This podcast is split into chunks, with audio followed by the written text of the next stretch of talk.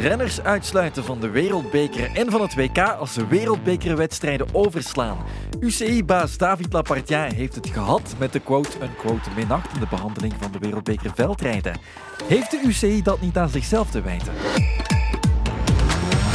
Hallo, welkom bij nieuwe week Sportstad Daily. Kiezen tussen Niel en Dendermonde, dat hoef je vanuit de zetel niet te doen, want kijken op zaterdag en zondag, zo uitputtend is dat niet. Maar Thibaut Nijs koos dit weekend voor die eerste, de superprestige cross in Niel. De Nederlander Pim Ronhaar won dan weer in Dendermonde. Een paar keer geweldige koersen gereden, een paar keer volledig door de mand gevallen. Je kan er geen lijn op trekken, maar dit is wel een uh, ferm uitroepteken voor Ronhaar. Vol in de roos, een wereldbekercross voor deze jonge snaak van 22 jaar. Leuk voor Ronhaar, zijn eerste wereldbekerzege, maar de grote baas van de Wielerbond was er niet mee opgezet.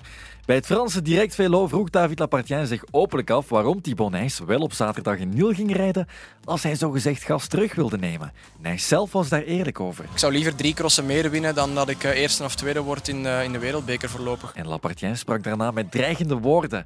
Als een renner liever een nationale cross rijdt in plaats van een wereldbekerveldrit, dan moet hij de volgende wereldbekercrossen niet meer meerijden. En ook geen WK. Goh ja, het is een keuze. Je moet ergens de lijn trekken natuurlijk. En um, ik vind voorlopig dat er gewoon niet zoveel wereldbekers zijn om echt volledig voor dat klassement te gaan. Um, vooral ook richting de kerstperiode ging ik er dan waarschijnlijk toch sowieso één hebben moeten laten vallen. Dus dan verkies ik nu al voor, um, voor dat ik op deze manier al een beetje voor mezelf uit mijn hoofd te zetten. En um, ja, mijn crosshart bloedt ook gewoon als ik wedstrijden zoals vandaag of, of ook Ruddervoorde moet laten vallen voor een wereldbeker. Um, ik heb natuurlijk ook nog een wegseizoen dat ik eraan moet aanplakken, dus mijn seizoen stopt niet in februari. Thibaut Nijs werd pas 27ste in Niel en speelde dus helemaal geen rol van betekenis in die wedstrijd. Maar toch had Lapartien het op hem gemunt.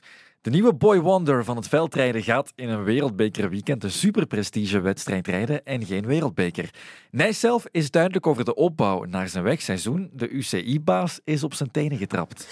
Ja, ik vond het wel even schrikken dat dat op die manier natuurlijk gebeurde. Hè. Uh, maar natuurlijk, ja, we, ik denk dat wij algemeen al, al, al twee jaar roepen van het moet een beetje herzien worden. En ik weet dat dat geen gemakkelijke materie is, maar ik denk dat we gewoon met heel veel partijen samen moeten zitten om te zien van, van hoe, hoe het verder moet. Maar het was wel allez, redelijk hard. Dat hoorde je van Bart Welles. Hoi, goedemiddag. Welles is tegenwoordig ploegleider bij Circus Reuse Tech Noord. Natuurlijk ook tweevoudig wereldkampioen en eindwinnaar van de Wereldbeker in 2003. Nijs en Welles in het technische gedeelte van het bos buiten beeld. Nu mooi door die bocht zonder problemen. Welles die een metertje moet laten, maar nu dat knikje op. En ze zijn goed op weg om hier voor 1 en 2 te worden in deze wedstrijd. Want als we achterom kijken, dan is de voorsprong enorm gegroeid na de klim in het bos. Misschien ook een beetje logisch. Dus dat Bart zegt van, misschien nu zeg ik kan het nu wat laten lopen. Het is voor allebei een goede zaak. De twee tenoren van het afgelopen seizoen zijn ook meester in de finale van de Wereldbeker. En Sven Nijs wint de grote prijs van Nederland. Bart Welles is tweede en wint de Wereldbeker. En Bart Welles snapt wel dat Nijs junior de keuze maakt om Dendermonde over te slaan. Ja, het zal sowieso met een reden zijn geweest. Hè. Je, je zag hem nog supersterk op de Koppenberg, maar dan uh, een week later op, op het EK ja, was hij nergens. Zelfs in Niel, waar hij voor koos, was hij eigenlijk nergens. Dus uh, het zou wel een reden geweest hebben waarom dat hij daarvoor voor, uh, uh, gekozen had. Hè. Hij is nog een, een jonge coureur. ja, je moet ergens skippen. En als je voelt dat je lichaam niet mee kan, ja, de wereldbeker is uh, ja, de, een van de lastigste uh, criteria dat er zijn. Dus ja, dan, dan moet je keuzes maken. Dus deels begrijp ik het wel, maar ik vind ook nog wel, ja, wereldbeker zou nog altijd het meest uh, ja, prestigieuze moeten zijn. Dus, dus zou een eer moeten zijn dat je wereldbeker mag rijden. Want dat was het vroeger zeker, gaat wel eens door. Ja, tuurlijk. Toen, toen was het echt nog rijden in, in de nationale trui. Hè, helemaal in het begin. Dus dat was wel een eer. Hè. In België hadden dan een A en een B B-ploeg. Uh, dus je was, je was niet altijd zeker dat je erbij, erbij was. Dus dat was wel altijd iets speciaals. En, en ja, de wereldbekerrijden was toch wel, ay, in mijn, mijn opinie, toch een van de belangrijkste klassementen. En natuurlijk, uh, daarna zijn, zijn Subprestige en, en nu de X2-trofee financieel ook wel omhoog gegaan. En, en heeft dat meer waarde gekregen. Maar natuurlijk, ja. Uh, ik denk dat er een combinatie van de drie alleen maar mogelijk is. Dat er minder wedstrijden, of in alle drie de klassementen evenveel wedstrijden zijn. Dat, dat een renner dat mooi kan verdelen. En dat is op deze moment niet. Maar voor mij was dat ja, altijd toch wel, allee, en zeker als jeugdrenners uh, of, of, als jeugdige renner, een eer om in die selectie te zitten om een wereldbeker te mogen rijden. Zo dacht Lapertière dus ook over en dus sprak hij met die harde woorden, ofwel neem je deel, ofwel blijf je weg en dan ook meteen van het WK. Onze commentator Ruben van Gucht overweegt dat voorstel. Um, daar moet men over nadenken. Ik um, ben niet per se tegen. Ik uh, ga mezelf verduidelijken. Het, het, kan een van de maatregelen zijn die je wil nemen om die wereldbeker te gaan uh, opwaarderen. Maar uiteraard kan je dat dan pas luidop gaan zeggen op het moment dat je het reglement ook gaat aanpassen. De grote vraag is wel, stel dat je als je niet meedoet aan alle wereldbekers, je ook niet aan een WK zou mogen meedoen. Dat, dat, dat, dat wordt nu geopperd. Ja, dan heb je een heel groot probleem. Want uh, ik denk dat we er gif op kunnen innemen dat nog Van Aert, nog Van der Poel, nog Pitcock zelfs een ingekorte versie van de wereldbeker volledig gaan rijden. Ook zij gaan geen tien wereldbekers rijden. Um, als men ervan uitgaat dat men met de wereldbeker in de toekomst zou starten begin december, denkende, joepie, dan hebben we de oplossing gevonden.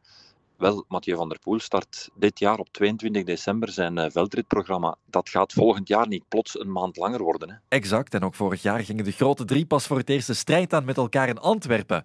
Ook in december. Van der Poel zette die allereerste stap vorige week al in Hulst.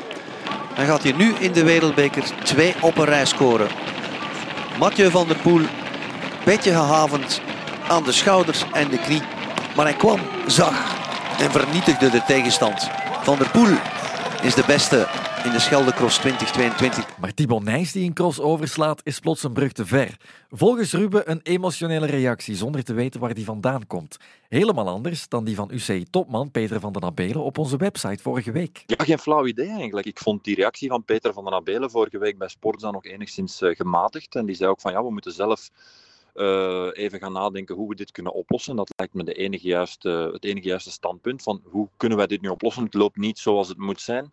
Um, maar waarom hij nu plots uh, in zijn functie dit doet naar ja, één specifieke renner of ploeg, begrijp ik niet. En dan moet hij vooral ook eens kijken naar de wereldbeker-uitslagen op dit moment. Ik zie drie wereldbekers en ik zie drie winnaars uit die ploeg daarop staan. Dus ja, misschien was dat dan toch ook niet helemaal terecht. Want die mensen nemen de wereldbeker wel degelijk serieus met die ploeg. Voilà, Ron Haar, Nijs en Van der Haar, allemaal van Baloise Track Lions. En die laatste reageerde ook bij Wielerflits op de frustratie van de UCI-baas. Ik denk dat, dat we nu niet het machtswoord uh, al, moeten, al moeten gebruiken. Ik denk dat we een open discussie zouden moeten voeren tussen de UCI-renners en, en, en ploegen. Uh, en ja, ik denk, ik denk dat het allemaal wel meevalt met wat er, dan wat er allemaal wordt geschreven. Uh, ik laat ook vier superstiges vallen om vier wereldbekers te rijden. Dus het is niet, uh, ja, het is niet zo dat wij expres de wereldbeker zouden laten vallen. De wereldbeker is nog steeds een heel belangrijk klassement. Zo zegt de Nederlander. Maar de case Thibaut Nijs is voor de UCI misschien gevoeliger, want het superprestige circuit wordt natuurlijk vormgegeven door Colazzo, het sportbureau dat Thibaut Nijs begeleidt. Um, ik denk dat die mensen allemaal eens aan tafel moeten gaan zitten um, en gaan bekijken. Uiteindelijk heeft men Golazzo een, een jaar of twee geleden zeker even met de rug tegen de muur gezet en dat mag de UCI dacht van het is tijd om onze wereldbeker te verzilveren. We hebben meer wereldbekers nodig. Uh, we gaan daar een, een, flinke licentiefee aan vasthangen. En dus zijn wij verzekerd van, uh, van een heleboel geld uh, jaarlijks. Um, ik kan me voorstellen dat bepaalde organisatoren inderdaad beginnen morren en klagen. Hè. Als daar niet voldoende grote namen op afkomen, dan, dan stuikt hun businessmodel wat in elkaar. Want ja, je krijgt dan niet voldoende supporters. Dus die dure licentiefee die je moet betalen, kan je dan niet terugverdienen. Dus daar moet inderdaad naar gekeken worden. Um, ik denk niet dat de, dat de UCI echt dreiging voelt. Uh, ze moeten vooral als grote mensen aan tafel gaan zitten en, en gaan bekijken hoe gaan we het hier oplossen. Voilà, met twee reacties op een rij vanuit de UCI. Eerst Peter van den Abelen en nu David Lapartien. Is het duidelijk dat er misschien wel iets moet veranderen. Van 2015 naar nu ging het van zes wereldbekermanches naar veertien wel eens probeert naast het uitgangspunt van zijn ploeg naar een oplossing te zoeken. Puur uit, uit het uh, oogpunt uh, als echte crosser denkende en geweest zijnde en buiten financiële plaatjes vind ik dat het gewoon ja, de, de aantal crossen moeten, moeten minderen en, en echt crossen zijn van in van in september, waar dat vroeger was, tot en met februari, waar dan een echte crosser het klassement kan winnen. En uh, zonder rekening te houden met van, is er veel publiek, is er weinig publiek, verdienen we veel aan die cross, verdienen we niet veel aan die cross. En het moet gewoon ook een eer zijn om, om een wereldbeker te kunnen en te mogen rijden. Dus ook wanneer dat er dan een wereldbeker georganiseerd wordt, eventueel geen C1-wedstrijden te organiseren op diezelfde dag of in datzelfde weekend, maar gewoon ja, ook dus terug tussen de acht en de tien wereldbekers gaan. En in elk land eentje. Niet in België vier en in, uh, in, in andere landen maar eentje. Nee, gewoon eerlijk verdelen. En dan is dat dan soms jammer voor, voor sommige Belgische uh, organisatoren, maar dan worden hun crossen op C1-niveau of C2-niveau terug ook belangrijk. Dus uh, ja, het is, ik zeg het, is, het, is, het is een moeilijke puzzel, het is moeilijke materie, maar ja, ik denk dat iedereen zijn gedacht wel een beetje gaat hebben. Daarom vragen we ook de mening van Ruben. Ze zullen zeker vinden dat er iets moet gebeuren, of tenzij je redeneert, zowel ploegen, UCI als whatever, kijk, voor ons is het eigenlijk oké dat er af en toe eens renners een wedstrijd skippen, dan kan je het behouden dan mag je er nog altijd 14 of 16 organiseren, misschien naar Amerika gaan en noem maar op. Maar als het uitgangspunt zou zijn, ik kan niet voor hun spreken natuurlijk, we moeten nu echt een circuit organiseren waar telkens die groten aan de start staan, dan moet je echt gaan nadenken. En dan is er op dit moment, en daar is nog niet te veel over gezegd, maar ik weet dat dat achter de schermen bezig is, er is een, een, een denkpiste waarbij men wil gaan bekijken hoe men in de toekomst World Tour ploegen van op de weg niet kan verplichten misschien, maar het wel interessanter kan maken om te investeren in veldrijders. Men wil misschien wel naar één overkoepelende kalender gaan, waar ook gravelrijden in wordt uh, ondergebracht, waarbij je dus in elke discipline punten kan scoren voor een algemene ranking. En dat die punten dus in het veldrijden ook belangrijk zouden worden voor een wegploeg. Nu, dat is allemaal heel simpel uitgelegd. Ik denk dat er nog heel veel water naar de zee moet vloeien om dat te realiseren. Uh, want dan spreken we al niet meer over een hervorming van de crosskalender. Dan spreek je echt over een hervorming van de totale wielerkalender. En, en de, de, de punten die je daaraan vasthangt. Maar ik weet dat dat een, een denkpiste is op dit moment. Dat dat een plan is. Maar dat is een soort masterplan. En we hebben dat nogal gezien in het wielrennen masterplannen vaak vallen die in het water. Ambitieus is het zeker, maar organisatorisch inderdaad een hele lastige puzzel. Maar de vernieuwing zal zich opdringen. Moeten we ons vragen stellen bij de toekomst van de cross of staat die nog voldoende stevig boven water? Ja, ik denk nou wel. Uh, zolang dat er over gedebatteerd kan worden en dat het een hot item is uh, om, om over crossen te organiseren en over eender welk klassement ook, dan zijn we goed bezig, denk ik. Vanaf dat ze er niet meer over babbelen, uh, is het misschien te laat en is, is, is, is, het misschien over en out. Maar dat denk ik niet. Ik denk dat cross nog te hot is eigenlijk hier in de lage landen. En ik denk dat we nog altijd moeten beseffen dat het ons crosswereldje op ons niveau een heel hoog niveau is. Maar dat we niet, allee, dat ze bij ons dikwijls zeggen, je moet niet verder uh, springen dan dat je stok lang is. We moeten dat gewoon bekijken in, in dat opzicht en ik denk dat dat vooral belangrijk is. Um, ik denk dat het ook altijd nuttig is om even um, weg te gaan van de navelstaarderij en, en ook iedereen die er zich nu een mening over vormt, ook even terug te kijken. We zijn met dit veldrijden ook al van de jaren 70 bezig. 70, 80, 90, 2000, 2010. We zijn 50 jaar bezig. Om te zeggen van ja, als we nu niet gaan veranderen, gaat het veldrijden doodbloeien. Ja, sorry, dan, dan, dan ken je je Pappenheimers niet. Dan kijk je niet terug naar de geschiedenis. Het heeft altijd gewerkt, in Vlaanderen weliswaar. En, en zij die het heel internationaal willen maken, dat is misschien net iets anders en dat zal niet zo makkelijk zijn. Maar ik geloof nooit dat het Vlaamse verhaal in de winter gaat uitsterven. Er gaan altijd nieuwe veldrithelden opstaan. En kijk, na Nijs, Albert Welles en co, Stibar Boom, was het ook moeilijk. En nu zit je met een periode van Aert, Van der Poel, uh, Pitcock. Als je weer net iets te veel in het moment gaat analyseren, zal zeggen, oh, dit hebben we nog nooit meegemaakt. Zo, zo populair is het nog nooit geweest.